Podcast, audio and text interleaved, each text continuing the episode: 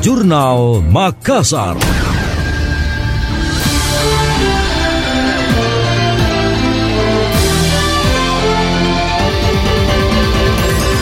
Gubernur Sulawesi Selatan Andi Sudirman Sulaiman mengingatkan masyarakat agar mewaspadai potensi puncak musim hujan serta meminimalisir dampak cuaca ekstrim.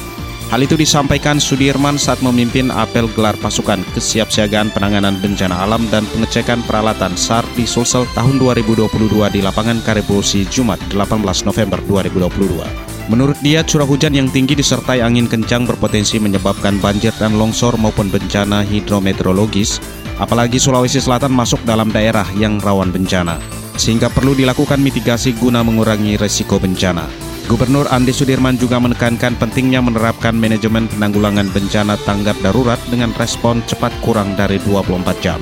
Oleh karena itu, ia meminta pemerintahan mulai dari desa, kelurahan, hingga provinsi bersinergi untuk selalu tanggap dan dapat merespon setiap kejadian yang ada di masyarakat.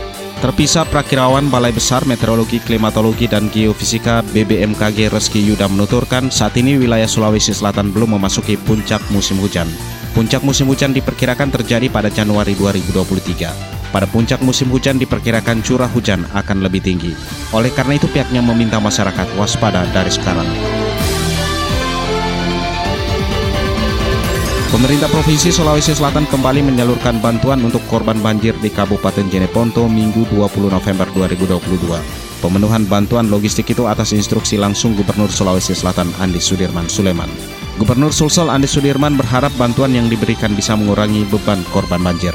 Sementara itu Kepala Dinas Sosial Sulsel Andi Irawan Bintang menjelaskan bantuan yang diberikan berupa satu ton beras serta sejumlah bantuan logistik lainnya.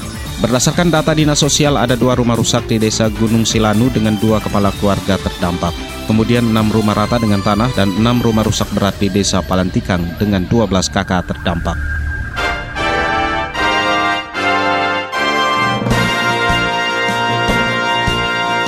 Demikian tadi, Jurnal Makassar.